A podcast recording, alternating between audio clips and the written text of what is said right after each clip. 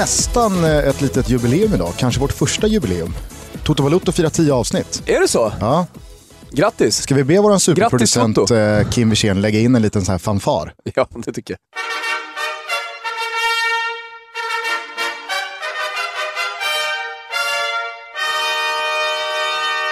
Så, eh, äh, men kul. Tio avsnitt in och eh, det känns som Fler att eh, vi har eh, fått upp en jävla bra fart här nu. Mm. Och, och idag ska vi dessutom ringa till Ponne och det tycker jag känns roligt. Mm, Pontus Jansson, en gammal eh, Calciomania-favorit, har ju eh, tagit sitt pick och pack, lämnat eh, den Apenninska halvön och eh, dragit till Leeds. Han har ju gjort det och kallas numera på sociala medier för fucking legend av Leeds-fans. Det måste vi kolla upp och höra. Sen är det ju så att vi har också fått mail från Robert Laul. Ja, Och det ska vi också ta tag i och eh, ja, men vi, vi, vi har ju fått eh, en ganska rejäl uppläxning av Laul i, i det här mejlet. så är det. Eh, du kan väl bara dra bakgrunden till då förra avsnittet om folk lyssnar på oss för första gången. Ja, eh, förra avsnittet så pratade vi om Robert Lauls senaste blogginlägg och eh, vi tyckte att det var dålig timing. Det var väl egentligen det vi sa. Eh, han tog upp problemen i Allsvenskan samtidigt som han satte rubriken på blogginlägget att det här är var vi står 2016. Eh, så han målade upp en ganska negativ bild då. Eh, även om, som vi sa också, höll med om eh, att de här problemen finns. Så var det ju liksom, han, han tog det ju som att det, det här är Allsvenskan 2016. Så om en som inte har sett Allsvenskan läser det blogginlägget så tänker man ju att det är en liga som lika gärna kan själv dö, mer eller mindre. Som mår väldigt dåligt. Ja, exakt. Det var inte särskilt balanserat. Det var ju det vi var, var, var lite emot då. Ja. Då fick vi mail. Och eh, Robert skriver så här. Först vill jag bara säga att jag uppskattar såväl armbågar som hårda tacklingar kollegor emellan. Det är vårt jobb att kasta gulaschsoppa i ansiktet på andra. Då får vi ta att vi själva får en släng av sleven ibland. Men ju hårdare attack desto viktigare att fakta är rätt. Annars blir det till lögner om än omedvetna sådana. Därför vill jag att ovanstående rader samt fortsättningen läses högt i kommande avsnitt av podden Toto Balutto. 1. Jag var på plats på Swedbank stadion i Malmö för matchen MFF Blåvitt, som ni såg på tv, vad jag förstår. Jag var där för att rapportera för Sportbladet. Det var en mycket bra allsvensk match med grym inramning, vilket jag beskrev utförligt i en matchkrönika över dryga 3000 tecken strax efter slutsignal. Alltså inte i liksom, blogginlägget. Nej. Utan det här är en annan matchkrönika. Tionde mest lästa på Sport, eh, vad det nu heter. Ja. Mycket läst tydligen den här krönikan. Två. Nästa punkt är de rena lögnerna. Jag har inte flyttat någonstans och har aldrig sagt att jag ska göra det nu i höst. Den förestående USA-flytten är från och med januari 2017 och ett år framåt. Jag är i Sverige för att jobba med allsvenskan säsongen 2016 ut och det har aldrig varit tal om, skrivits eller sagts något annat. På det här så säger vi väl bara, sorry. Verkligen. Vi har haft... Eh, Men jag tror att du ska läsa hela mejlet och sen Ja. får vi ta det. För, Ja, för det är så, jag tror det är så Laul vill ha det och då gör vi det. Mm. Tre, mitt blogginlägg som ni annars tassade runt utan att kunna, frågetecken inom parentes, bemöta ett enda argument i sak skrevs alltså inte efter att jag lämnat landet som ni påstod. Vidare hade ni synpunkter på att jag i så fall borde ha skrivit det innan jag lämnade landet. Men jag är alltså, i motsats till vad ni påstår, kvar i Sverige. Jag kommer att skriva om MFFs och Pekings guldduell samt om Stockholmsderbyt på onsdag. Där kommer jag med ett enormt reportage på temat “Har en konstruktiv rivalitet övergått i ett destruktivt hat?” Ni är välkomna att såga det också, men håll er till fakta tack. Som straff önskar jag att Gusten gör 12 12 armhävningar med handklapp under tiden Wilbacher sjunger följande mening på latin.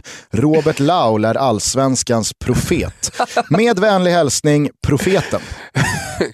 det, det är supermail måste man ju säga. Ja, ja, jag tycker att eh, ett så gillar man att han står upp för sig själv. Om han nu tycker att vi far med osanning och saker som eh, talar till hans liksom, nackdel, Sen är det ju då så står han att ju upp för sig själv. Har ju blivit eh, en stor podcast och han märker ju att det här går ju ut brett nu, våra, eh, våra lögner då, om att han har flyttat till USA. Ja, vi hade ju Så kunnat han säga, måste ju också svara. vi hade ju kunnat säga vilken skit som helst menar, om- i Calciomania. Så, eh, ja, lite. Han hade inte hört av sig. Nej.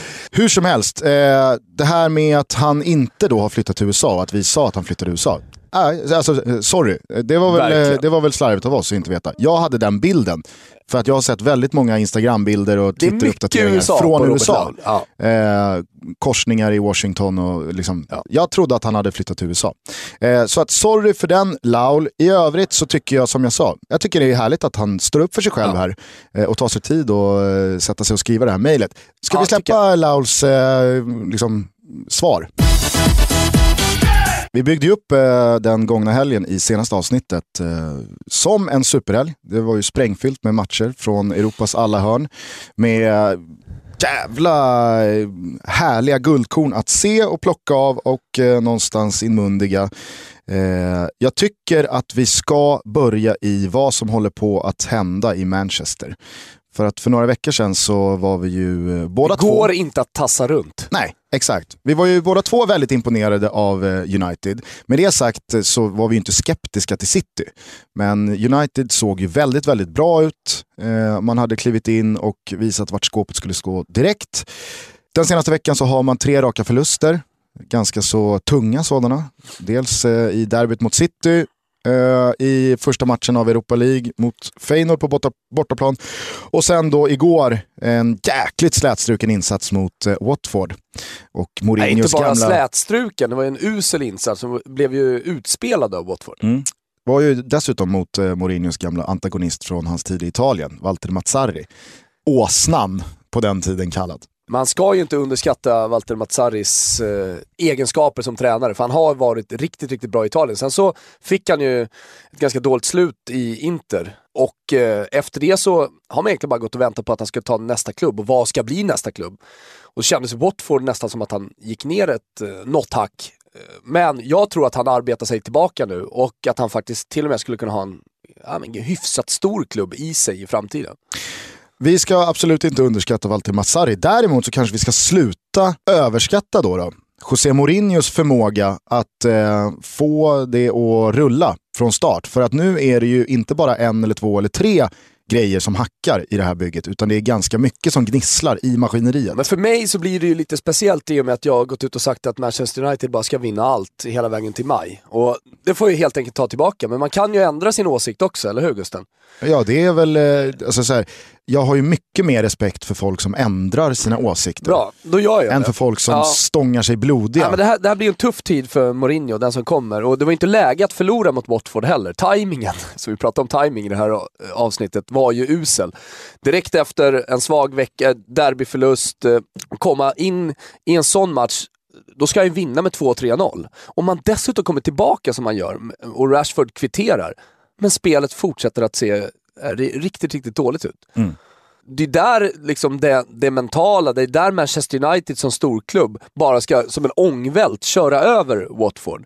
Och istället så är det Walter Mazzaris gäng som krigas in i matchen och dominerar och söker det här vinstmålet och får det också. Ja, och jag tycker... Alltså, Två till och med. Du nämner det ju här, men eh, i synnerhet när man mot då Feyenoord vilar sina bästa spelare, går lite på halvfart, åker på ett eh, jävligt dåligt resultat, absolut. Men då får man ju någonstans hämta hem det i nästa ligamatch. Det hade ju varit en sak ifall de hade högprioriterat Europa League-premiären, spelat bästa lag och tömt sig. Jag tror att det hade varit bättre som uppladdning. Jag vet att det, det, här är ju ett hett ämne och speciellt i familjen Dalin. Jag och din bror Isak har ju pratat eh, ja, hett om det här i Eurotalk en gång i tiden. Kan vi lägga in det gamla Eurotalk-avsnittet i Toto Balotto om man känner för. Ja. Om någon tycker att det är värt det. Hur som helst, det här med ska man rotera eller ska man inte rotera? Han tycker att det är överskattat. Han tycker att eh, elitfotbollsspelare ska klara av att spela var tredje, var fjärde dag. Uh, och, och framförallt så tycker han att det, det bör inte påverka speciellt mycket. Medan jag var inne på liksom det här med rotationen är, är betydligt viktigare. Vi ska väl säga så att Isaks liksom, någonstans käpphäst i det här var att det går mer att skruva på träningarna mellan matcherna. Att dra ner på frekvens där ja. och sen kunna blåsa ut ändå var fjärde dag. Exakt. Nu är det ju så att Isak har spelat elitfotboll själv. Han är tränare i Hammarby för deras u lag Så att eh, det är klart att han har någonting att säga om detta. Däremot så har ju inte Isak spelat var tredje, var fjärde dag. Nej, det var inte det många gånger han var ute i Europa League. Alltså, han kan sen... inte dra spelarkortet här. Nej, men han har ju suttit bredvid andra gubbar i omklädningsrummet.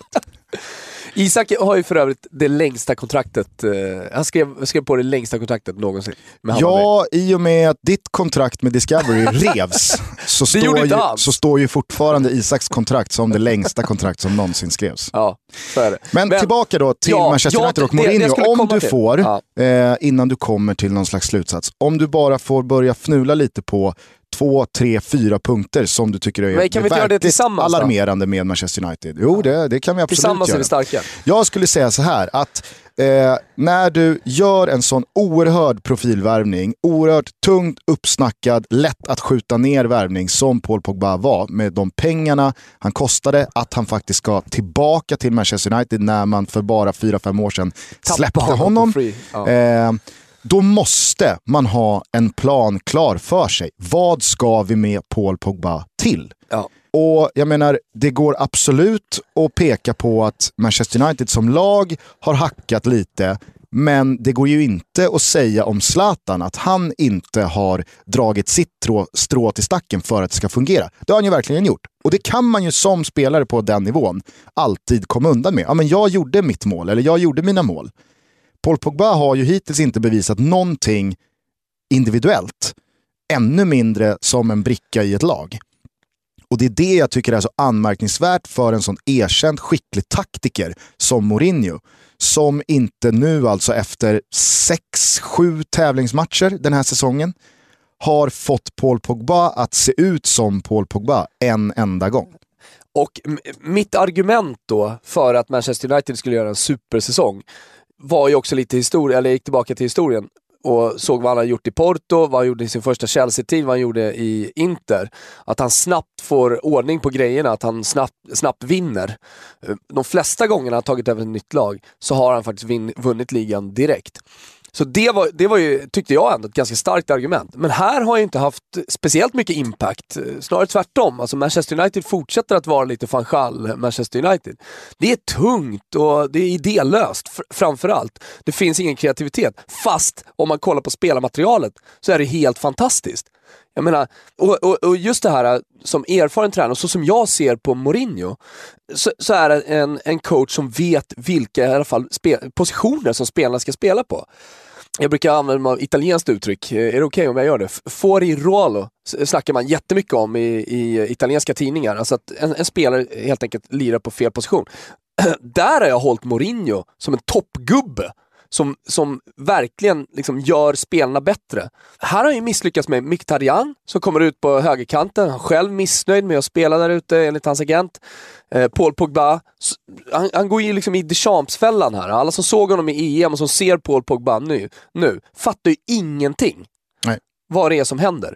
Hur kan United ha spenderat en miljard för Paul Pogba? Men jag som har sett honom i Juventus, eller vi som har sett honom i Juventus, vet vilken fantastisk lirare det här är. Han gör ju skillnad som få mittfältare gör, när han hamnar i den position han ska spela i. Paul Scholes, han har ju haft väldigt mycket att säga om sitt gamla Manchester United senaste tiden. Hans senaste då argument efter den här förlusten mot Watford, det var ju att han inte förstår varför inte eh, Mourinho spelar med en spelfördelare bakom Paul Pogba. För Där finns en Michael Carrick, ja. det finns eh, en eh, Schneiderlin, eh, det finns en Bastian Schweinsteiger. Det kanske inte är världens bästa fotbollsspelare, men det är spelare som kan skjuta fram Paul Pogba ja. i banan och ge honom bollen. Släpp Paul Pogba, Pogba fri.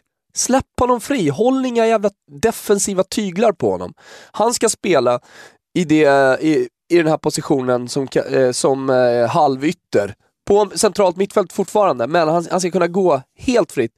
Avsluta i boxen, ta egna avslut och i alla fall när han går in i match inte behöva tänka att jag har ett jätteansvar här nu och täcka upp ytor. Där är han inte toppspelare. Där är han eh, inte värd speciellt mycket pengar. För Jag tror att frustrationen i att han heller inte får speciellt mycket boll tog ju sig verkligen uttryck i matchen mot Feyenoord. Där han flera gånger går ner, bak, ja, han går ner bakom egen backlinje för att hämta bollen, för att han vill ha bollen.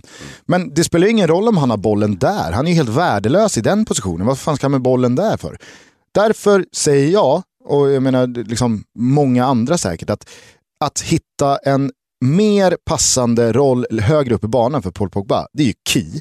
Sen så håller jag helt med dig om Henrik Mkhitaryan, trodde jag, skulle gå in från start i United och leverera direkt. Och kanske framförallt skulle Mkhitaryan eh, ta bort Anthony Martial från att också spela kant, för där ska ju inte Martial spela. Nej. Wayne Rooney, jag menar det, det, det var ju nästan, alltså Bojan Djordjic, det är ju en god vän till oss båda. Eh, och vi vet ju att eh, han sällan liksom, håller igen med kritik när han väl ska vara kritisk. Och att det ibland kan bli lite för stora ord. Igår så drog han ju igång motorsågen på högsta varv Jag i Viasat-studion. Men det var ju helt befogat. Ja. Alltså, han kunde inte såga för mycket igår. Där är ju också ett jävla problem att de har en Wayne Rooney Absolut. som är Wayne Rooney, som, som är tar den här centrala nummer 10-rollen och håller då Mkhitaryan, som du sa också, Martial, borta från, egentligen Egentligen dödar han ju konkurrensen i och med att han är Wayne Rooney och kapten. Ja, det blir en dominoeffekt av Exakt. Liksom, fel beslut ja. i hur den där startelvan ska se ut. Eh, personligen så tycker jag att man, om vi talar om att slösa på talang och slösa på liksom, briljans, Ander Herrera, alltså det, är en, det är en superfin spelare. Han är inte ens i närheten av att ta en ordinarie tröja i det här laget. Nej. Jag, jag, jag, alltså, sen så vet ju alla som har följt Mourinho och Juan Mata de senaste säsongerna att Mourinho dumpade ju Mata från Chelsea trots att han var en av lagets populäraste spelare hos supporterna. Han gjorde mycket poäng. Han släppte ju eh, Mourinho iskallt till United för att han hade sådana uppenbara defensiva brister enligt Mourinho. Men där är det också så här, jag menar, varför släpper man inte Juan Mata då? kräng bort honom igen om han inte ska användas. För det blir så det uppenbart blir... när Wayne Rooney står och trampar på bollen, när Fellaini ges en roll där han förväntas vara någon som slår passningar, öppnande passningar till Zlatan. När Paul Pogba är för långt ner i banan, när Mkhitaryan sitter på bänken och när eh, Martial så uppenbart mår dåligt. Då blir det ju så löjligt att ha Juan Mata på bänken. Jo men det blir ju också problem för Mourinho att ha harmoni i truppen. När det är så många spelare som är missnöjda. Och, och, det tror jag, om det är någonting som kommer fälla Manchester United den här säsongen så är det just disharmoni. För, eh, jag menar, det, det, blir ju, om några månader, om vi fortsätter så här så, så, kommer ju, så kommer ju spelare börja prata, oavsett på vilket sätt de gör det via agenter eller inte, men det kommer ju att börja läcka ut att spelare är missnöjda och det har redan börjat göra det. Eh, och, och då, bli, då blir det till och med för stort för Mourinho att, eh, att eh, hantera. Ja, för att det ska vi komma ihåg från både Moyes och van Schals tid vid rodret så är ju Manchester United en så pass stor klubb att det räcker med väldigt få dåliga resultat för att det ska bli stormigt. Mm. Du säger så här, om det fortsätter så här, det är väl klart som fan att United inte kommer fortsätta förlora Nej. 15 raka matcher. Självklart inte. Men Eller? United är ju ett lag där segrar till och med kan ge upprinnelse åt krigsrubriker. Ja, och det har, det har ju gjort det innan. Det är väldigt många som har varit eh, skeptiska till Manchester United trots att man vann då i ligan. Ja, van Gaal tog ju sina segrar men fick ju ändå bara tugga skit på presskonferenserna. Exakt, exakt. Men du, jag skulle komma till en poäng förut när jag pratade om de här, eh, spelar var tredje, var fjärde dag. Det är inte läge för Manchester United att förlora en enda poäng. Det är inte ens läge att, att förlora poängen, oavsett hur lite supporterna bryr sig om Europa League så måste man göra en bättre prestation i, i, i Holland. Och min slutsats skulle bara vara, han skulle ha åkt dit, spelat bästa laget, fått riktig jävla energi och eh, kommit, in till, eh, kommit till den här matchen mot Watford med någonting annat, alltså med en helt annan feeling i gruppen. Helt fel att eh, ta det med vänsterhanden. Och sen så måste man också säga någonting om att liksom Manchester United är med och är favoriter till att vinna Europa League. Vårat Europa League som vi älskar så mycket. Nu har helt plötsligt Manchester United då tagit över Europa League och surret kring, det breda surret, handlar bara om Manchester Uniteds prestation. Det är ju inte där man vill hamna. Nej, nej. Du, vill, du vill ju fortsätta hitta nya Boy Waterman, du vill hitta Protos Lugg i eh, något jävla strykgäng från Azerbajdzjan. Alltså det, det är ju det som är Europa League. Men det pratade vi om i förra avsnittet, så ja. att, eh, jag vill bara tillbaka till Manchester. För Gjorde att vi det? I andra ja. änden av den här stan så har ju Pep Guardiola kommit in, eh, tagit ett lag som visade upp en jäkligt nedåtgående trend under förra säsongen. Det var missnöje, det var ålderstiget, det kändes trögt, det kändes idéfattigt. Det kändes som att City kommer få det jobbigt. Pep Guardiola kommer verkligen inte till något självspelande piano här. Men han har ju verkligen kommit in, identifierat exakt vilka spelare ska bort, Vilka spelare har liksom inte längre här att göra? Hur många av oss tittade inte på Yahya Touré under föregående säsong och kände att någonstans finns det där. Pep Guardiola har ju tittat på, på Yahya Touré och sagt nej, det är över, det är ja. slut. Du kommer inte in på den här planen. Det är därför man älskar eh, Pep Guardiola också, samma behandling eh, mot Hart. Exakt. Han hade sin idé om Joe Hart och så var det med den saken. Mm. Demichelis bort, alltså det finns fler spelare, Wilfred Boni, ja. bort. Yep. Alltså, det, det, han vet exakt vad han vill ha och han vet vilka spelare som jag, jag, kan tänka mig att Pep Guardiola har ju sett varenda match av Manchester City, både säsongen 14-15 och 15-16. Han vet vad spelare kan, han vet vad spelarna mm. inte får ut, han vet vilka spelare han vill fortsätta jobba vidare med. Kolla på Raheem Sterling. Alltså det är ju en ny spelare den här säsongsinledningen ja. jämfört med fjolårssäsongen. Spelare som alltså, eh, Navas, spelare som David Silva, ser ut som sig själva igen. Eh, dessutom så blev det ju ironiskt nog så att den här avstängningen Kun Agüero åkte på någonstans liksom föll väldigt väl ja, ut. För då kunde Kun Agüero spela då i de andra matcherna Medan i Nacho... Det blev en naturlig rotation. Exakt. Han, kunde inte, han var tvungen att göra rotationen ja. och på så sätt kunde Kun Agüero gå på full låga i Champions League. Ja. I Nacho behövde då inte liksom Men det här är också starta och bära på pressen. att Pep Guardiola är en fantastisk tränare. Att han, han kan sätta då spelarna som sitter på bänken i det här systemet och det är det som gör att det här är ett lagbygge. Det här är inte bara individuella prestationer.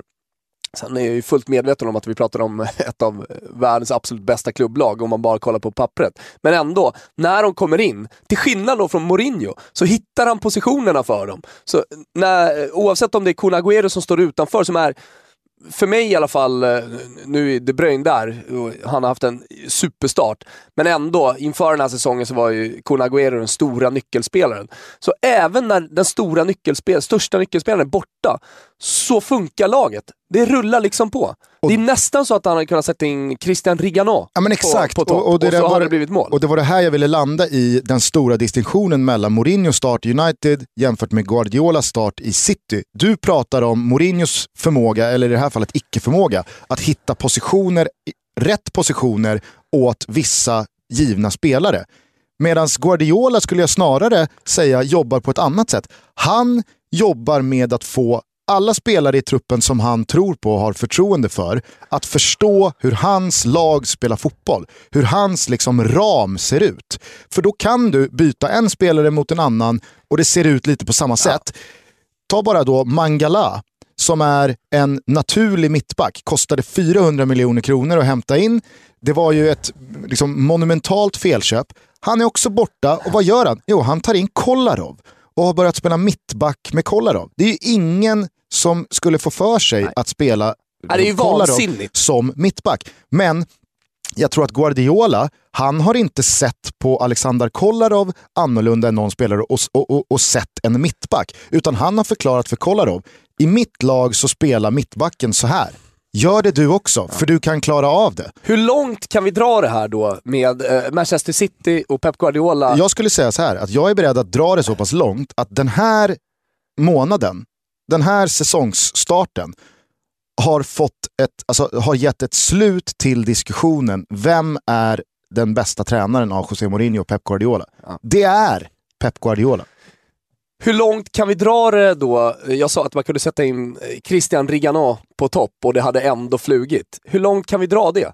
Va, va, kan vi sätta in Isak Dalin som, som mittback och det hade ändå funkat? Nej, men jag tror kan så här. Gusten Dalin komma in i Manchester City och man hade faktiskt inte sett så stor skillnad liksom, på laget? Vi får väl se vad jag har för flås efter de där 12 armarna med handklapp. Någon slags fysik måste du ju såklart ha. Men jag tror så här. Ryck valfri spelare alltså som startar och är ordinarie i, i, i, allsvenskan, ja. så sticker ju inte den spelaren ut på liksom så här ett, en helt, med en helt bedrövlig insats. Finns det då, någon spelare i allsvenskan som inte hade funkat i Manchester City? Alltså, över, en, över en hel säsong så är det klart att du hade Nej, sett den stora skillnaden. I en match. Stoppa in vem du vill i senaste matchen här hemma mot Bournemouth och det hade sett helt okej ut. Vilken allsvensk spelare som helst. Per Frick. Per Frick hade gjort mål mot Bournemouth. Okej, Prodell hade gjort hattrick. F- Förmodligen. Garanterat. Nej, men, och, och, och det är det här som jag någonstans tycker ringar in det vi pratar om. Att Pep Guardiola har på en helt otroligt kort tid så oerhört tydligt fått Manchester City att vara ett lag som ibland har Kun Agüero på topp, ibland Iheanacho, ibland Silva, De Bruyne och Sterling, ibland Fabian Delph, Fernandinho och Navas. Och det ser ut som samma lag. Plocka bort Zlatan från United och du har ett annat lag. Alltså där handlar det om en spelare som, som förändrar hur ett lag ser ut. Jag hävdar i alla fall, hur som helst, att gränsen går vid Isak Dahlin. Han är ju i superfysisk form, men där går gränsen. För att knyta ihop säcken då, kring lag som har imponerat och inte imponerat av storlagen. Så här i mitten, slutet av september här nu, nu har det ju gått en, eh, inte speciellt lång tid, men en viss del av tävlingssäsongen. Europeiska kupperna har rullat igång, hur har man tacklat det? Eh, ligan har en 3, 4, 5 omgångar på kontot. Hur har man tacklat det? Hur har man fått ihop sitt lag? Är Manchester City laget i Europa som har stått för den mest imponerande säsongstarten? Jag tänker att ett motbud kanske är Borussia Dortmund som har sett väldigt, väldigt bra ut. Ett Bayern mot- München går ju också rent. Real Madrid har gått rent, men där har det ju inte... Det är också har- förväntat på ett Det är sätt. förväntat och sen så har de väl inte haft några jätteprövningar än heller. Ett lag, om vi, om vi hade pratat eh, om det här för en och en halv vecka sedan, Mm. så hade man ju nämnt Juventus. Eh, nu fick man 0-0 mot Sevilla och förlorade i Derby d'Italia igår.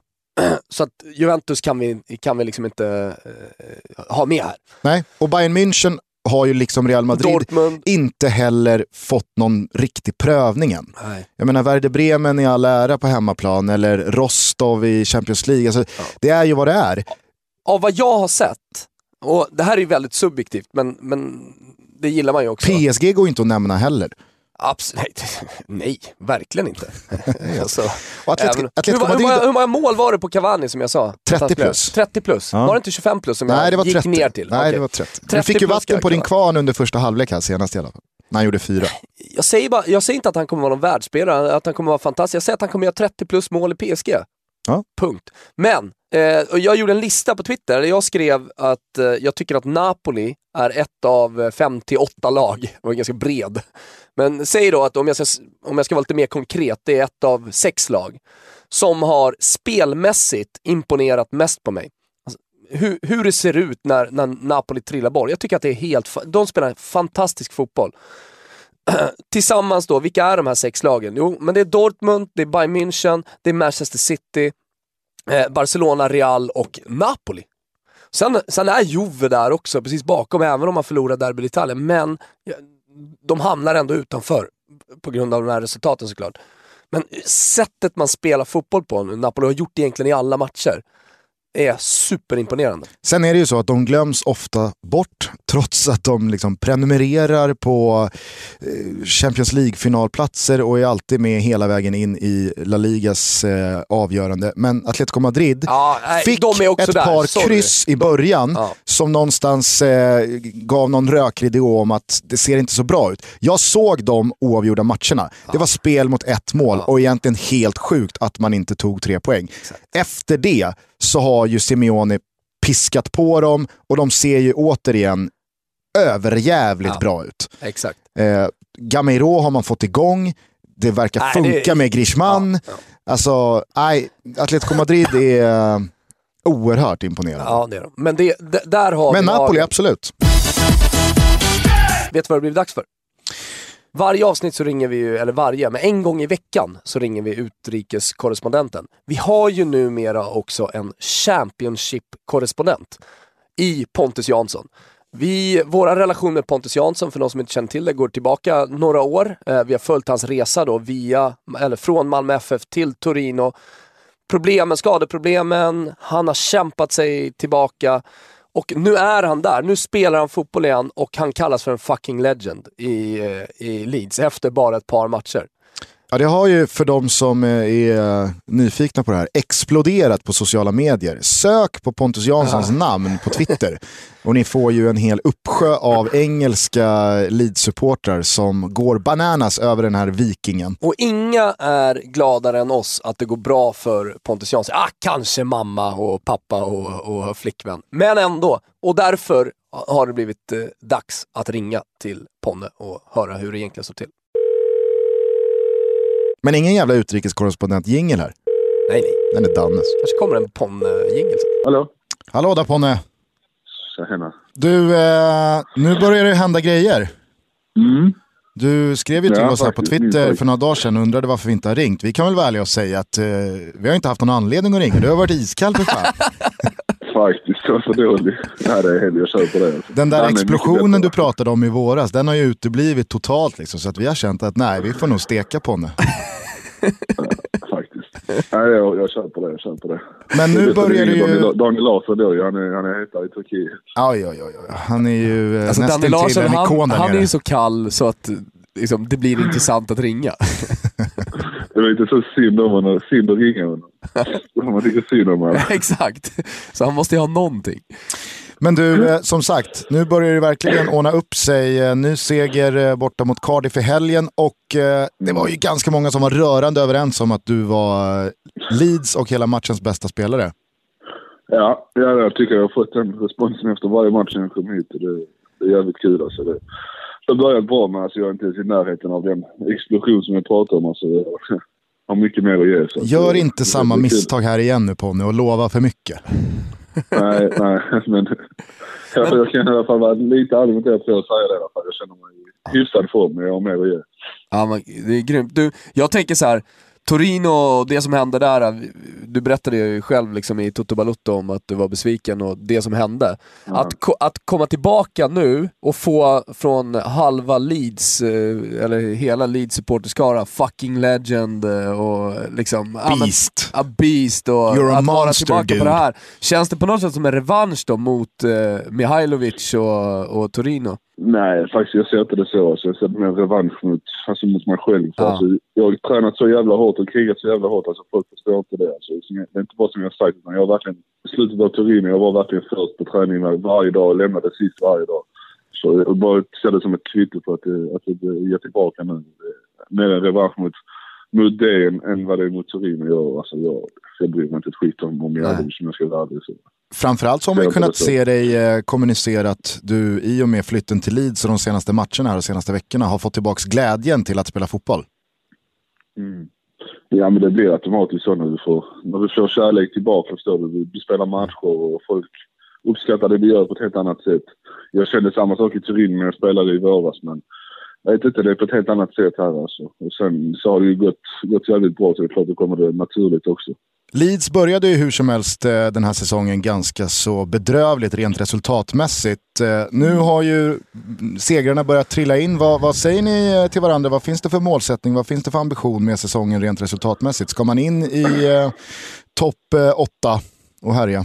Ja, alltså målsättningen är playoff. Jag, nu- jag var inte här när han satte upp målsättningen och pratade så tydligt om det. Det gjorde han väl innan säsongen början. Men alltså, vad jag förstår och vad jag hör överallt så är det ju playoff som, som är målet. Och presidenten har gått ut och sagt det också. Han, han betalar tillbaka halva, halva årskorten om, om vi inte går till playoff. Så att, jag kan tänka mig att, att det är målsättningen även från tränaren. Jag tror inte det är bara presidenten som har sagt det. Och känns det som att ni har material för det då? Faktiskt alltså, vi, vi, har, vi har ett bra lag. Alltså, nu, defensivt så känner jag att vi, vi nu är en av de mer starkare lagen i ligan nu. För en riktigt bra backlinje. Vi Berardi, italienare, som är på väg tillbaka nu också. Jag vet inte om han var i Sampdoria. Jag vet inte bättre än mig Thomas kanske. Exakt. Ja, han är tillbaka. Också en riktigt bra spelare ser man. Så när han kommer tillbaka så blir det nu ännu bättre. Sen offensivt har vi bra spelare. Så man ska bara, bara få ut det också. Så att vi, det, det känns som att vi har ett bra lag. Många minns ju säkert de eh, sprängfyllda eh, Champions League-kvällarna på Ellen Road för eh, 15 år sedan ish och storspelare som Rio Ferdinand och Mark Viduka. Hur stor är klubben Leeds idag?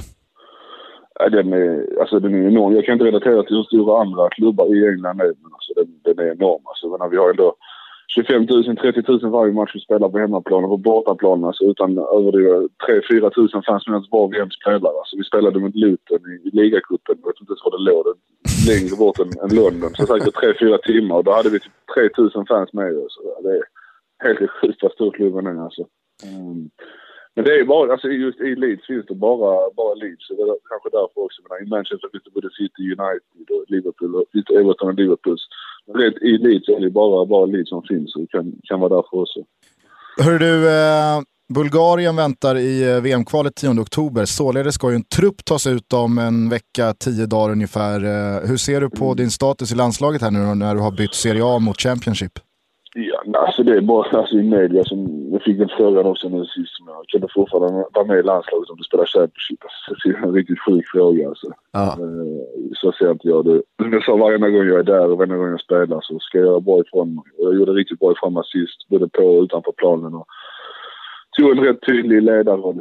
Uh, alltså även utanför planen. Och jag tror gärna uppskattar det. Eh, så att, eh, ja. Och sen så presterar jag bra fotboll här nu och jag kom med redan innan jag han presterar fotboll här så att jag tror att mina chanser är rätt goda att komma med. Så att, eh, sen om jag får spela eller inte, det får vi se. Men det känns som att, som att jag är bra ifrån mig. Senast vi pratade i podden, då var det en ganska svajig lina och det var väldigt eh, liksom få timmar som hade gått av landslagssamlingen. Så här i retroaspekt, mm. eh, hur var den nya landslagsledningen? Eh, helt fantastisk riktigt, riktigt bra. Så jag förstod det redan innan att det skulle vara bra. Janne var en, en fantastisk person, en fantastisk människa. Han, eh, vad man, ska man förklara, han, han får alla, alla att må bra. Han bjuder in alla. Alltså, de saker som inte han kan, då skäms inte han för att låta någon annan styra det om man säger så. Typ så fysbitar och kostbitar och sånt här. Utan han tar en steg tillbaka och låter dem, dem sköta det. Utan han, han gör det han är bra på. Sen är han en jävla, jävla härlig person också.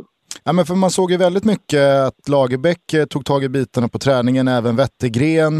Eh, vad, vad, gjorde egentligen Janne? eh, rent tränings, alltså så här, träningsmässigt så hade Peter och Wettergren då ansvar för, för det defensiva och, och Janne för, för det offensiva. Sen ja, Lasse gick väl runt och, och mös som en liten god gubbe. Lasse sa inte så jäkla mycket. Eh, sen är det mer Peter och Janne som, som skötte den biten.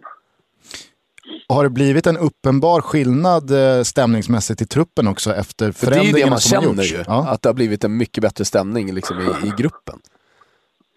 Och då tänker ja, jag inte bara alltså, på förbundskaptensskiftet. Det var faktiskt bra redan innan, men alltså, om vi snackar rent så han är som, som tränare, alltså ställningsmässigt så är det fortfarande bra. Kanske till och med ännu bättre än det var innan. Men det var som jag sa, där, det är så mycket tydligare nu hur, hur saker och ting ska, ska ske. Nu var det svårt i och med att vi mötte Holland efter typ ja, knappt en veckas träning och, och få ihop allting med massa nya spelare, ny generation och tuff motstånd. Så det kanske inte var den lättaste starten men Nej. han är ändå tydlig med, med vad han vill och han, han ville att vi skulle kanske ha lite, ha lite säkra, stå lite lägre och falla hem lite som, som vi gjorde mot Holland. Sen kanske vi inte skapar så mycket som vi ville. Men vi ändå med oss ett resultat och gruppen lever fortfarande och det är ändå en bra start.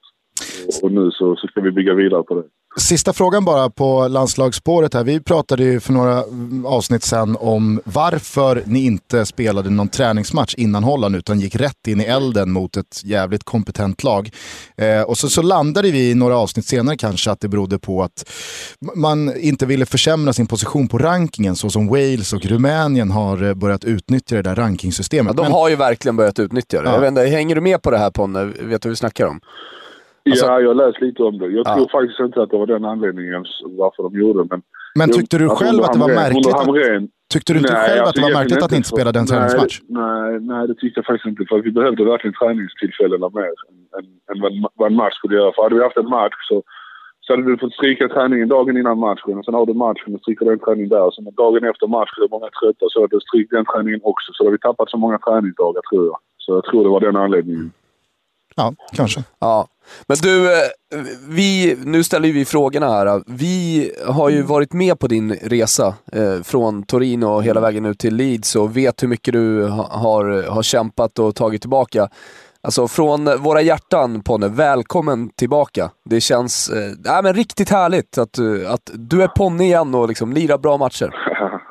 ja, tack så jättemycket. Tack så jättemycket. Vi gör väl så att eh, vi sträcker ut en hand att eh, försöka få dig till studion när du är uppe för eh, nästa landslagssamling. Ja, mer än gärna. Mer än gärna. Hörru, ha det bra och lycka till eh, i fortsättningen. Detsamma. Ja, ha det bra Detsamma. Hårt. Vi hörs. Hej, hej. Ciao Bello. hej.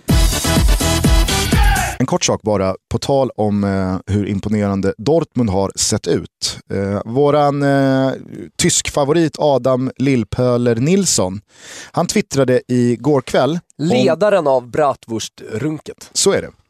Eh, han twittrade igår kväll om att Dortmund nu till slut tagit andra platsen i eh, Bundesligas maratontabell. Självklart är ju Bayern München så långt framför alla andra man bara kan komma. Men det tog ändå fram till september 2016 för Borussia Dortmund att eh, kravla sig dit. Och det kanske är förvånande för många. Jag menar, man vann ändå Champions League 97. Eh, men det är ju en klubb som det har gått väldigt upp och ner för. Så därför frågade jag Pöler, hur många poäng skilde de åt för tio år sedan? Alltså eh, Werder Bremen, Mm. eh, som låg tvåa fram tills igår. Eh, hur många poäng skilde mellan Bremen och Dortmund för tio säsonger sedan? Hur många tror du? Hur många poäng? Hur många poäng skilde mellan Bremen och Dortmund? Ett avstånd som alltså Dortmund har käkat upp på bara inom citationstecken ingen 10 aning. säsonger. 216 poäng. Alltså det är ju en helt sjuk summa poäng Mm. som Dortmund har då tagit på Werder Bremen. Ett Werder Bremen som vi ska komma ihåg har spelat i Bundesliga under den här tiden. Har de alltså käkat upp. Det är ju mer än 20 poäng i snitt per säsong under 10 år. Otroligt imponerande, bara det. Sen så säger ju det kanske egentligen mer om Werder Bremens senaste decennium än om Dortmund. Bremen som blev första lag Nej, Palermo har ju såklart, eh, Palermo har ju såklart redan skiftat tränare. Men Bremen blev första lag i Bundesliga och säkert eh, jämfört med många andra europeiska länder också eh, ett av de få toppligelag som redan har sparkat sin tränare, Viktor Skripnik. Han fick gå efter förlusten borta mot Gladbach. Där för övrigt Serge Gnabry gjorde ett mål, en reducering till 1-4 i slutet av matchen, som kanske är årets mål för mig. Det, det hände någonting med Jag mig när jag såg det. målet. Nej, lägg in det målet i hashtaggen Toto och förstå vad jag menar. Det är ett helt otroligt avslut. Eh, men jag ville bara säga det, är det inte helt sjukt Jo. att ett lag som spelar i Bundesliga kan tappa 216 poäng gentemot ett annat lag Nej, på finns 10 inte. säsonger? Det finns inte. Det är helt otroligt alltså. Schnitzel och gulasch, det är ju två stycken medaljer som delas ut i det här eh, programmet som heter Toto Balotto. Jag hade ju min kusin från Wien på besök i eh, veckan här nu och jag tänkte ju då imponera lite på henne och göra en eh, hirschgulasch. Vet du vad det är? Nej, berätta. Det är en hjortgulasch. Det är Mhm. min favorit och så äts, äter man ju knödel till. Men då pratade jag lite om det här med gulasch med henne och vi har ju, ofta när man äter gulaschsoppa här i Sverige så får man ju potatis till. Men det är alltså, ja enligt henne, men hon har koll på de här grejerna. Det är en speciell rätt. Det är liksom potatisgulasch. I En gulasch är en Tjeckien, gulasch och en potatisgulasch är en potatisgulasch. I Tjeckien vet jag att jag har ätit gulasch i bröd.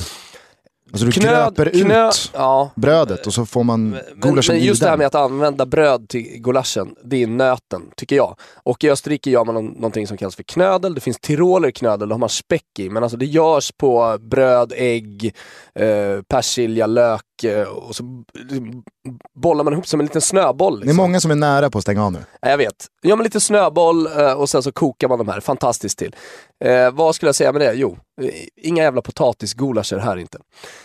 Men eller så är det det gulaschen är eftersom det är det dåliga. Så det är väl en potatisgulasch kanske. eh, kanske. Dåliga, jag börjar där i eh, matchen En mellan... svensk skolmatsgulasch. Ja, exakt. Eh, Skickar vi och kastar några slevar rätt i nyllet eh, på Matthew Rusicke exakt. i Helsingborg. Så alla som inte har koll på det här, Norrköpingssupporterna har ju garanterat koll. Beppe Östergren och gänget. Han spottar alltså mot eh, Norrköping, Peking-fansen som är på plats. Och, eh, Efter att ha fått rött kort. efter att ha fått rött kort. Och då, då, då, det är ju pinsamt. Det, är ett beteende som man absolut inte ska syssla med som fotbollsspelare. Peking-fansen, oavsett eh, vad de sjunger, vad de gör, Eh, som stöttar sitt lag 24-7 och har tagit sig till den här matchen. Eller hur? Och, och, och ja, men, är det någonting som ska upp djupast nu när vi pratar om dåliga och bra saker i, i svensk fotboll så är det ju läktarkulturen, för det är det enda som håller allsvenskan vid liv. Utan alla supportrar så, så är det ju generellt sett, men ännu starkare i allsvenskan kan du ju lägga ner skiten.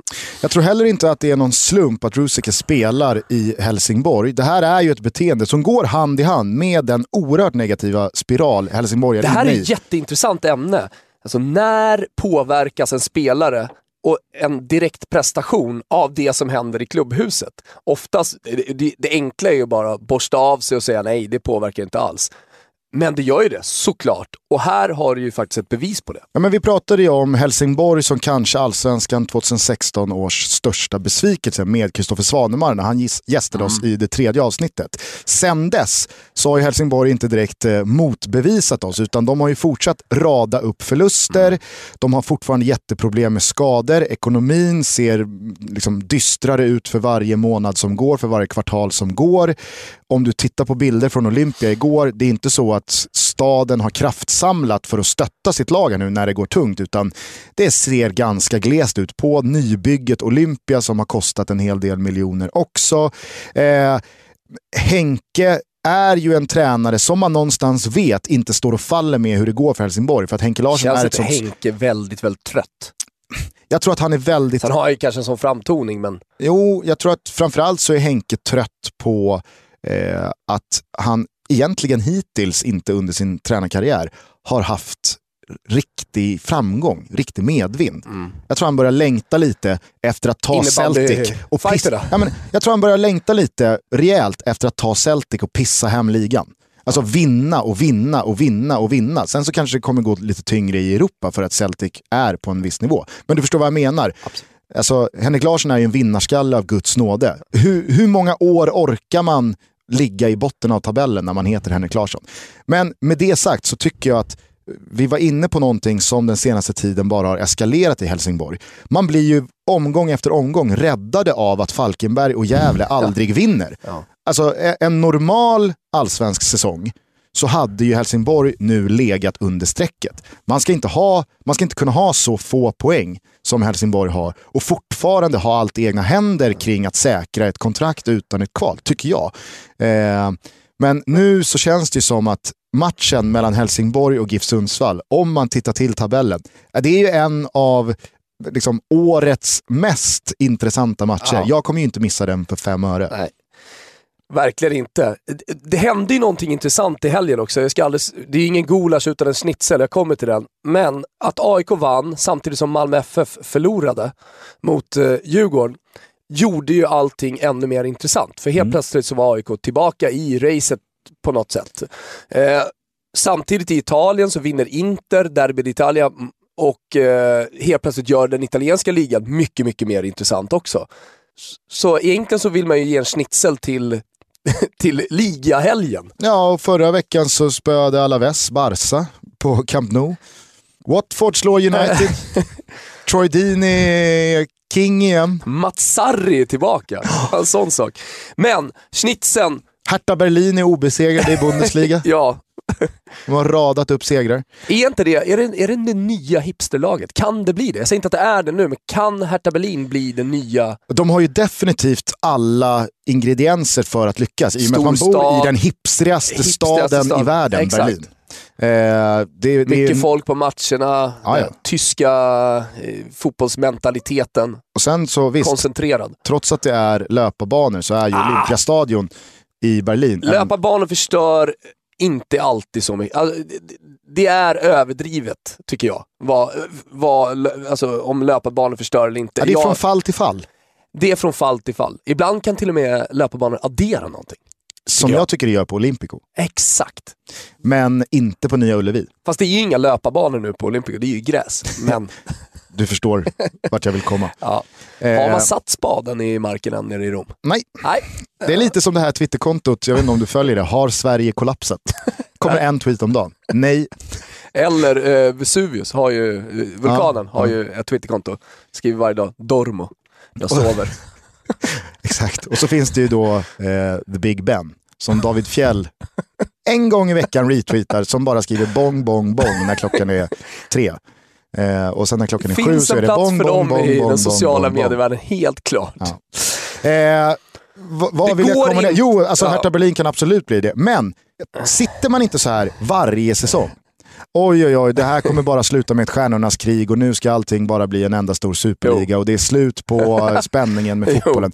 Alltså, och så blir, blir det argumentet motbevisat hela varje tiden. säsong så Ja. sitter vi här och ser mindre lag fälla de du vad större jag kom på? lagen. Nej. Ett av lagen som spelar fantastisk fotboll, som jag verkligen är imponerad av, Liverpool. Ja, Vi ska prata mer Liverpool. Vi ska ha med en fantastisk gäst här om några, Det ska vi några ha. gånger. Jag Mm. ville bara, jag bara, det bara slog mig. Sen så är ju Liverpool liksom arketypen för lag som spelar fantastisk fotboll, men som inte kan knyta ihop säcken så ofta som man behöver för att vinna någonting också. Det räcker ju inte bara med att spela en fantastisk fotboll framåt, Men Rafa Benitez tog dem hela vägen. Utan att spela fantastisk fotboll. Ja. Låg under med 3-0 i paus. Ja, men det är ju det är den stora skillnaden. Alltså, Är tidernas final? ja, alltså, Alltså för allt. milanisti så är det ju som ett Nej, men det, är väl klart att den, sorg. det är men- väl klart att den har allt. Jag tycker att det kanske största eh, incitamentet för att det är det är ju att det är en sån här match som alla fortfarande kommer ihåg vart man såg den. Så är det. Schnitzel till Medjorini. Folk bara, vadå? Ska han till Italien nu? Vad ska han snacka om? Jo, men Medjorini har gjort någonting fantastiskt i, för några dagar sedan. Han vaknar upp två på natten, hör en kvinna skrika. Vem är den här personen? Eh, börja. jaha, jag sätter honom lite på kartan. Eh, faktaruta på Medjorini. Han eh, spelar i Chievo. Han är en, en av de här italienska anfallarna som aldrig vill dö. Utan han tickar på med sina plus åtta mål varje säsong. Eh, han vaknar mitt i natten då i Verona av eh, en, en kvinna som skriker. Han eh, springer ut på gatan och ser längre fram då en man försöka våldta den här kvinnan. Han kör en löpning och som han själv då beskriver det, han visste inte vad han skulle göra för han har aldrig någonsin, inte, inte ens när han var barn som man säger, eh, slagit någon eller sparkat någon. Det har han väl gjort på fotbollsplanen kanske. Men Eller så är det just därför han aldrig har gjort tvåsiffrigt antal mål. kanske, kanske är Han det har det. inte killerinstinkt. Men vad väljer han då att göra för att stoppa eh, det här svinet? Jo, han hoppar in en axeltackling såklart. För det är det han har närmast. Så det är 100-200 snabba meter och så en hockeytackling. Och så bryter han den här våldtäkten och han är såklart eh, självskriven eh, schnitzel den här veckan. Ja, vad kul. Körde Ja. han en Emil Kraft-tackling alltså? Ja, Precis. Eh, för er, som inte vet det, Emil Kraft, eh, han spelar i Bologna. Bologna mötte Napoli på bortaplan i lördags kväll. Eh, Emil Kraft trycker av en riktig axeltackling fast rakt i ryggen på Milik eh, när han då är igenom och fri. Och så blev det en diskussion om huruvida det skulle vara rött kort eller inte. Jag, Jag fattar inte, det var ju solklart rött ja, kort. det det. För övrigt så finns det ett Milik-syndrom som man eh, alltid måste ha i bakhuvudet. Folk såg honom i EM, tyckte att han brände alldeles för mycket chanser och sa den där spelaren kommer aldrig bli någonting. Det är numera Milik-syndromet. Ja. Man kan inte bedöma spelare på ett mästerskap. En av dem som tyckte eh, att det borde... Snarare tvärtom. Spelare som man inte känner till som gör fantastiska mästerskap tenderar ju snarare då att sen få en ganska usel karriär. Ja men titta bara på James Rodriguez. Exakt. Jättebra exempel Gustav. Superking i VM 14. Sen dess så har det ju hackat betänkligt. Yes. Ja, hjälte. Nu gjorde han i och för sig mål igår. När Real Madrid slog Och Espanyol. spelar i Real Madrid. Ja. Men han var ganska, då, han var ganska dålig i Man prestationen hade jag säga. förväntat sig att han eh, skulle göra som Kevin De Bruyne. Du, eh, nu får väl han rätta mig om jag har fel, men jag tror att en av dem som inte tyckte det skulle varit rött kort på Emil Kraft var Martin Martino Åslund. Eh, som vi såg i Viasats eh, studio igår. Välkommen tillbaka. Det här är ju välkommen tillbaka avsnittet. Välkommen tillbaka Martin Åslund. En applåd Han får det, en applåd för att det var en riktigt stabil insats. Ja, men han satt ju i studion eh, inför Derby d'Italia och eh, han gjorde det med den äran. Ja. Eh, så att, eh, kul att vi har satt eh, någonstans bifar upp Italiensatsningen. Ja. Det pratade vi också om med Svanemar eh, i det där tredje avsnittet. Så att, eh, plus till både Viasat och att ha med. Martin i, i Toto Balotto här snarast? Det är att han är aik Mm. Och vi har redan haft med Svanemar och du har ju redan liksom dämpat mitt AIK-tugg. Mm. Men han ska med. En som faktiskt eh, lyssnar, eh, före detta spelare också, är ju Mattias Concha. Conchita. Numera sportchef i Östers IF. Exakt. Han, eh, vi jobbar ju tillsammans på Discovery bland annat. Han skickade ett eh, mess till mig. Och det var ett eh, fint eh, sms. Alltså, han hade lyssnat på programmet och blev glad över att vi avslutade med riktig musik, Ave Maria. Jag sjöng inte det här speciellt bra, snarare tvärtom. Eh, en som faktiskt sjunger Ave Maria riktigt, riktigt bra är ju brorsan Conchita. Alltså eh, Conchas brorsa. Han eh, är, eh, vad, säger man, eh, tenor och sjunger otroligt. Jag tänkte, kan vi lägga in lite Fernando Concha när han sjunger La Mattinata? Jag får lyssna lite på honom. L'aurora di bianco vestita, già l'uscio dischiude al gran sol, di già con le rose sue dita, carezza dei fiori lo stuol, Ja, det var ju oerhört fint. Ja. Och varför säger jag det här? Jag har ingen aning faktiskt. Jag ville bara ha med Ja. Concha i podden, men vi, vi, vi var på väg någonstans. Ja, jag var i alla fall på väg någonstans för jag tyckte då det blev en, kanske inte femstjärnig, men en okej övergång. Vi ska inte prata om AIK, däremot om då matchen som stundar för just AIK, för jag, jag skulle vilja prata lite Djurgården. Eh, jag tycker att Djurgården eh, verkligen har fått snurr på det vi uppade i inledningen av den här podcasten, alltså avsnitt ett eller två eller när det nu var. Att Bosse Andersson faktiskt tog tjuren vid hornen och gjorde någonting av situationen som var. Man var väldigt illa ute, det såg för jävligt ut. Man sparkade Pelle Olsson trots att man hade signat nytt med honom eh, strax innan. Man värvade in ordentliga spelare, däribland då Magnus Eriksson, eh, Andreas Isaksson och så vidare. och så vidare. Eh, man får in en tränare som kommer med energi, som kommer med fart, som kommer med liksom en attityd som är att never say die. Och det var ju precis det Djurgården behövde. Alla matcher har... En varm sportchefshand, Gusten. Ja. Alla matcher och alla insatser har absolut inte sett bra ut. Till exempel då matcherna mot Gävle eller Falkenberg. Men det renderar i sex poäng. Igår då när man möter Malmö så tycker jag att det absolut bör nämnas att Malmö inte står för någon speciellt bra insats. Men det är också eh, fel att se på det så. Jag tycker att Djurgården går ut och verkligen visar att om ni nu här har SM-guldambitioner, ja men då får ni fan visa. Då får ni, då får ni lägga i en, en växel inte vi klarar av. För att vi kommer ge allt här nu och det här är vad vi har. Sätt emot om ni har det. Är det inte anmärkningsvärt dock att Djurgården hela tiden, varje säsong, hjälper Gnaget på ett eller annat sätt? Va? Ja, alltså man, man sätter sig i sådana situationer. när man gång efter annan bevisar att man är ett lag som kan störa alla lag i allsvenskan, men också för ofta förlorar så att det redan är kört i liksom, slutspurten av serien. Så då blir det bara de här situationerna där man kan och inte kan gynna eh, AIK då framförallt, men även andra rivaler. Det är väl klart att det, det är lite ödets ironi, men låt oss istället fokusera på det Djurgården gör här just nu.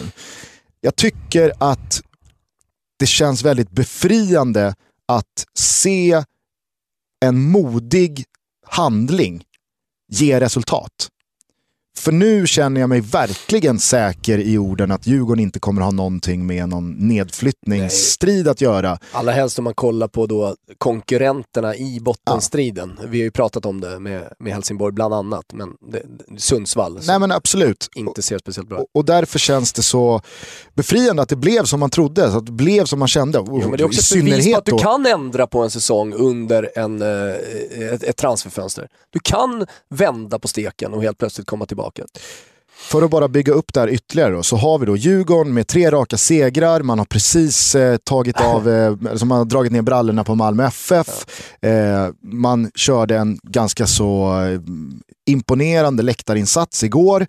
Och nu väntar alltså AIK i ett Stockholmsderby, ett AIK som också har radat upp segrar. Det har inte alltid sett så jäkla ska bra ut. att visst, vi- vi vann mot Malmö, men vi vinner också mot er. Precis.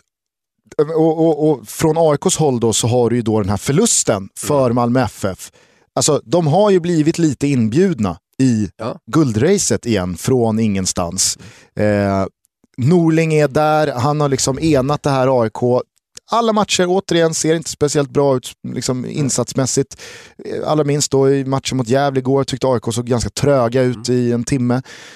Men de ska ju ha det där 2-0 målet. Ja, hur Sen har ju du en spel på AIK får... där, men Ja. Nej, det var, det var, det är jäv i det här fallet, men det ska ju såklart eh, vara mål. för oss objektiva, för liksom folk som följer allsvenskan så känns det som optimala förutsättningar för ett glödhett Stockholmsderby Ah. på onsdag. Ska vi gå? Eh, kanske. Mm. Kanske. Det ska i alla fall bli oerhört intressant och jag måste fan ge det till Djurgården. Jag måste ge det till Mange Eriksson. Mm. Eh, jag måste ge det till Andreas Isaksson som, precis som du sa, ja, men det är Sveriges bästa målvakt. Mm. Vad, liksom, vad, vad, vad kan man säga om Andreas Isaksson förutom det? Det, det, det räcker med att säga det. Eh, och sen så, eh, alltså Michael Olunga, ingenjören.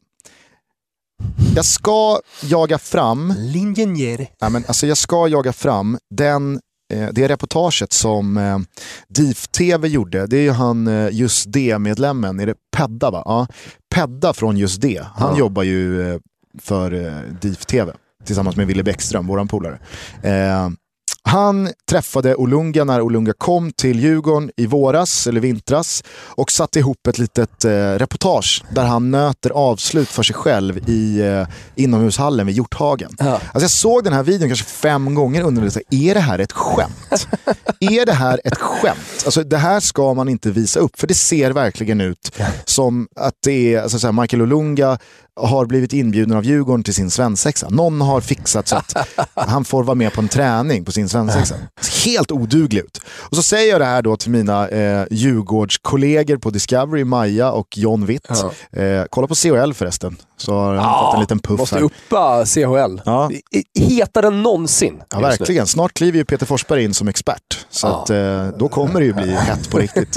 Kommer han verkligen kliva in? Eller? Det snackas om det. Det snackas om Nej, men titta på John Witz Sköteborns CHL. Eh, då säger då till John och Maja att om Michael Olunga gör 10 mål Ja. i allsvenskan, Är det en till anusblekning då? eller? ja, men, alltså, då, då skär jag ut mitt anus. Liksom, serverar det på ett silverfat så får väl de göra vad fan de vill med det. Men eh, hela våren så sitter jag ju så lugnt i den båten också. Nu ser ju Olunga ut som kanske allsvenskans bästa spelare. Ja. Han nyper ju, alltså han ser så självklar ut. Ja. Så oerhört självklar. Och i löpduellerna, alltså han är ju Det finns lång, ju ingen spelartyp. Jag vet inte om du såg efter matchen Ja. intervju med Jonas Dahlqvist. Du och jag vet ju exakt hur stor Jonas Dahlqvist är. Ja. Han är ju enorm. Ja. Eh, nej, men Alltså, alltså, han han, han drar ju två meter. Nej. 1,95 alla dagar i veckan. 1,89. Nej, nej, nej, nej. Jonas Dahlqvist är riktigt stor. Okej. Det är bara alltså för att Lasse Granqvist är ännu större. Och därför tror man inte att alltså, Jonas Dahlqvist är speciellt stor när han, man ser honom bredvid Lasse Granqvist. Men Jonas Dahlqvist är väldigt stor. Och så när han då intervjuar Olunga efter matchen igår så är ju Olunga par centimeter, nästan en dess längre än Jonas Dahlqvist. Så att han är stor och tung men ändå snabb och han skjuter på ett, han ser självklar ut. Ingen Och, ger det. Alltså ingenjören, jag fattar inte vad som har hänt. Vad håller han på med? Nej, ju, alltså, det Djurgården håller på med just nu är jävligt imponerande. Ja, det är väldigt imponerande. Prata om tacklingar med Giorinis kraft. Vet du vad den värsta tacklingen som jag åkt på? Alltså axeltackling där jag verkligen förlorade i duellen. Alltså jag åkte på den berömda pumpen. Luften gick ur. Robert Laul. Inomhus i Liljeholmen. Axel mot axel. Och äh, jag, jag, jag föll ihop eh, platt på marken. Ja. Alltså han har ju en, eh, han har ju en tyngdpunkt som gör honom Alltså. oerhört Ja, svårrubbad. speciellt mot mig så kommer han in perfekt i den. Jag vet att jag på deadline day kallade Jakubo Ayegbeni för en ganska så stor minibar till Noah Bachner. alltså Robert Laul är ju Sveriges Jakubo Ayegbeni. Ja. Jag utmanar vem som helst att axeltackla Robert Laul och få omkull honom. Ja, det, det kan jag faktiskt göra. Det, är ju, det hade ju inte ens eh, Maggiorini gjort. Inte ens med Giurini. Hörni, eh, kul att ni fortsätter lyssna, kul att ni sprider gosplet om Toto Balutto. Följ oss på Twitter, men kanske framförallt Instagram eh, från och med nu, för att vi har ju dragit igång SIG-kampen. Vi har dragit igång SIG-kampen. Varje vecka så är det en ny kamp. Det är head-to-head, -head, två spelare då som eh, är rökare, eller har varit rökare under sina karriärer, som går head-to-head -head och så får man rösta. Vem Exakt. man, vem man, och hur gick det första veckan? Det avgörs imorgon. Stort engagemang och det är ja, kul. verkligen. Det var ju helt enormt hur många som Mycket engagerade tips sig. också på Ja. Och, och, och, ska vi kan säga så här, lugn. Lugn, Lugn och sitt lugn i båten. Vi har koll på sig. Är det några som har koll på siggarna där ute så är det vi. Exakt. I första omgången så Men möttes vi har ju ett då... Garre-case. Ja. Alltså, eh, Garre för mig är ju cigarr, du kallar Garre för, alltså ciggen för Garre. alltså jag tycker både cigarr och cigarett Ja, är och en det- garre liksom. Det är fine, vi kanske får göra en omröstning då. Nej, jag, pallar Nej, inte fler omröstningar. nej. Jag kan lägga ner och kalla det för garre om det stör så många. Ja, liksom. okej. Men Ja. det, inga omröstningar. Nej, helt rätt. I första omgången så möttes i alla fall Frankrikes gamla landslagsmålvakt och världsmästare Fabien Barthez. Eh, han mötte sin då yngre kollega. Wojciech eh, Chesney. Målvaktskamp. En direkt. målvaktskamp och eh, med ett drygt dygn kvar av omröstningen så är det ju klar fördel för eh, den gamla eh, fransmannen. Ja, alltså alla Chesney-älskare där ute, in och rösta på er favorit. Skynda på här nu. Om inte Chesney ska åka ut redan i Alltså första omgången. Borok eh, en stark kandidat till att vara med i den här fighten. Han är en stark kandidat på många topplistor. ja, faktiskt. Bournemouths eh, polske eh, målvakt som har huserat i både Fiorentina och Celtic och som har eh, blivit avstängd från det polska landslaget efter diverse blöta utekvällar. Ja. Eh, men så att, eh, följ oss eh, på Instagram och delta i SIG-kampen. Det är ju väldigt roligt. Som vi skrev då i det här första inlägget, ja, vi vet. Fotbollsspelare är ju på många sätt också förebilder och det finns en större diskussion att ta här. Men vi väljer att fokusera på det som uppenbarligen många andra har en fascination för, nämligen fotbollsspelare som röker. Det är kul, det är coolt. Vem gör det bäst? Ja. Det är det enda vi vill säga om SIG-kampen. Eh, maila oss på totobalutto.gmail.com också. Många som gör det, tack för alla mejl. Vi läser allt, vi svarar på allt. Eller du svarar och om ett annat Gustav. Jag ska bli mycket, mycket bättre också. Ja, och har ni mailat oss eh, den senaste tiden och inte fått svar så... Sluta mejla och fråga om eh, restips. Ja, du, Eller? Nej, men du börjar ju i alla fall vissna på det. Eh, som vi Åk bara. åk och så köp biljett där. Åk bara. Det är aldrig fullsatt. Tripadvisor är mycket vassare än vad jag är på restips. Eh, däremot så ligger ju en resa med Toto Balutto i pipen. Ja, Och den tycker vi att många ska följa med på, i alla fall de som har råd. om man har råd ska man för mig. Det kommer ju bli dyrt. Det kommer bli svindyrt. Ja, det, I slutändan så är det en. Det kommer bli svindyrt. Hörni, eh, vi hörs igen på fredag, Vi eller på igen- torsdag. Vi hörs På på torsdag, torsdag exakt. På torsdag är vi tillbaka och eh, då har vi självklart med oss utrikeskorrespondenten. Ja, och eh, är det någonting speciellt ni vill att vi ska orera kring då så är det bara att höra av sig. Annars Ja. får ni ta hand om varandra, njut av den här midweek-veckan eller som en del länder i Europa kallar den, den engelska veckan. När det alltså är liga-fotboll mitt i. Ja, det är i alla fall i eh, Italien och Spanien. I Tyskland gör man det också. Ja, i Tyskland. Eh, Mittwoche. Exakt. Eh, nej men eh, fan, det är en fullsprängd vecka av fotboll. Så att eh, när vi hörs igen så tar Har vi det spelats derby, det har spelats eh, mittwoche och ja, det finns hur mycket som helst, att, att behandla här i Toto Balotto. Fortsätt lyssna, sprid eh, vårt gospel Gusten. Ja, Eh, gör det, ni som lyssnar. Eh, berätta för farsan och för, vad vet jag, kusinen från eh, Österrike att eh, Toto Balotto faktiskt finns där. vi gör väl så att vi avslutar med Veronica Maggios Måndagsbarn. Såklart vi gör! En sån här solig måndag i september som det faktiskt är. Så får ni ha det så jävla bra tills nästa gång vi hörs. Ciao Tutti. Ciao!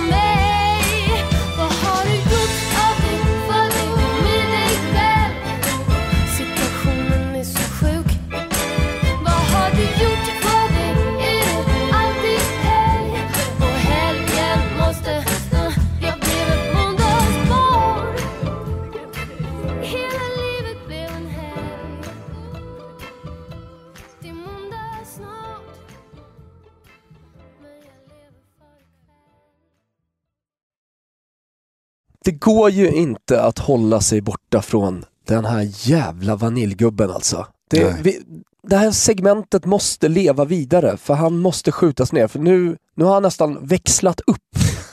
Ja, alltså, vi, vi försökte ju släppa honom. Vi försökte döda Crescito-segmentet men det går inte. Vi försökte komma bort från honom. Vad Men är det som han har håller hänt på nu? Vad är ju- det som har hänt? Det var, det var ju som du sa igår då. Han tvingar oss att fortsätta. Vare sig vi vill eller inte. Ja, och det, det som har hänt här senast, det, äh, det tar nya nivåer och det är värt något form av jävla pris. Han, han har ju en stående gulasch i nyllet, Crescito. Vi måste ju börja i den... Pami. Nej, vi måste börja där det är som allra värst. Det är ju på bilden som han har klippt ihop när han pussar sina två söner. Vidriga bilder, jag kan inte kolla på de här ens. Han har ju då gjort ett montage med två stycken hjärtformade bilder Ass. och skrivit... Jag hade inte sett den här först nu Gustav. Jag visade den här för dig igår. Eh, Ja fast jag hade inte kollat på den ordentligt. Family is love med fem utropstecken och sen så är det någon märklig... Fan är det här? Den vänstra bilden, där han pussar då vad det ser ut eh, som hans yngsta son, det är ju någonstans lite så här pappa-son-puss. Den är okej. Den högra bilden är så jävla fel. Men vad är det för jävla emoji i mitten han har satt upp Men här? hur kan du fokusera på emojin? Titta på hur han sluter ögonen. Nej, han, är på väg, fan, jag kan inte kolla på den här bilden. Vad är det här? han är på väg att kyssa sin son. Äh, det, det, den är, den är Herregud! riktigt hemsk den här bilden. Nej, men när man bara ser den så här som du visade den igår, så var det så ah, okej, men du vet, risigt crescito-montage. Men vad är detta? Ja, Det här är ju faktiskt inte vanilj. Det här är ju starkt. Det här är ju, det här är ju spetsigt på fel sätt, men en, ändå spetsigt. Och så går man då till det inlägget som, som Ja, då är vi innan. tillbaka i vaniljeriet Alltså, har deluxe. Pami en jävla matta på sig eller? En handduk ser det ut som. Det ser ut som en jävla matta ju. Alldeles, En dyr matta ser det ut som. alldeles, oavsett, Från Nordiska kompaniet liksom. alldeles oavsett så har ju Crescito återigen misslyckats med att få till bilden. Då han har ställt sig på ett, ett, liksom ett ser ställe där det är skugga. Så att man ser allting utom Crescitos ansikte. Alltså, Helt sjukt det här alltså. Men varför har den en jävla matta på sig? Jag kan... PC står det på, på mattan. Men någonstans så Herre. vill jag ändå säga att den här Family is Love-bilden, det toppar allt han tidigare har gjort. Faktiskt. Eh, Det är direkt motbjudande. Ja, fy fan. Ah, nu ska jag gå och spy.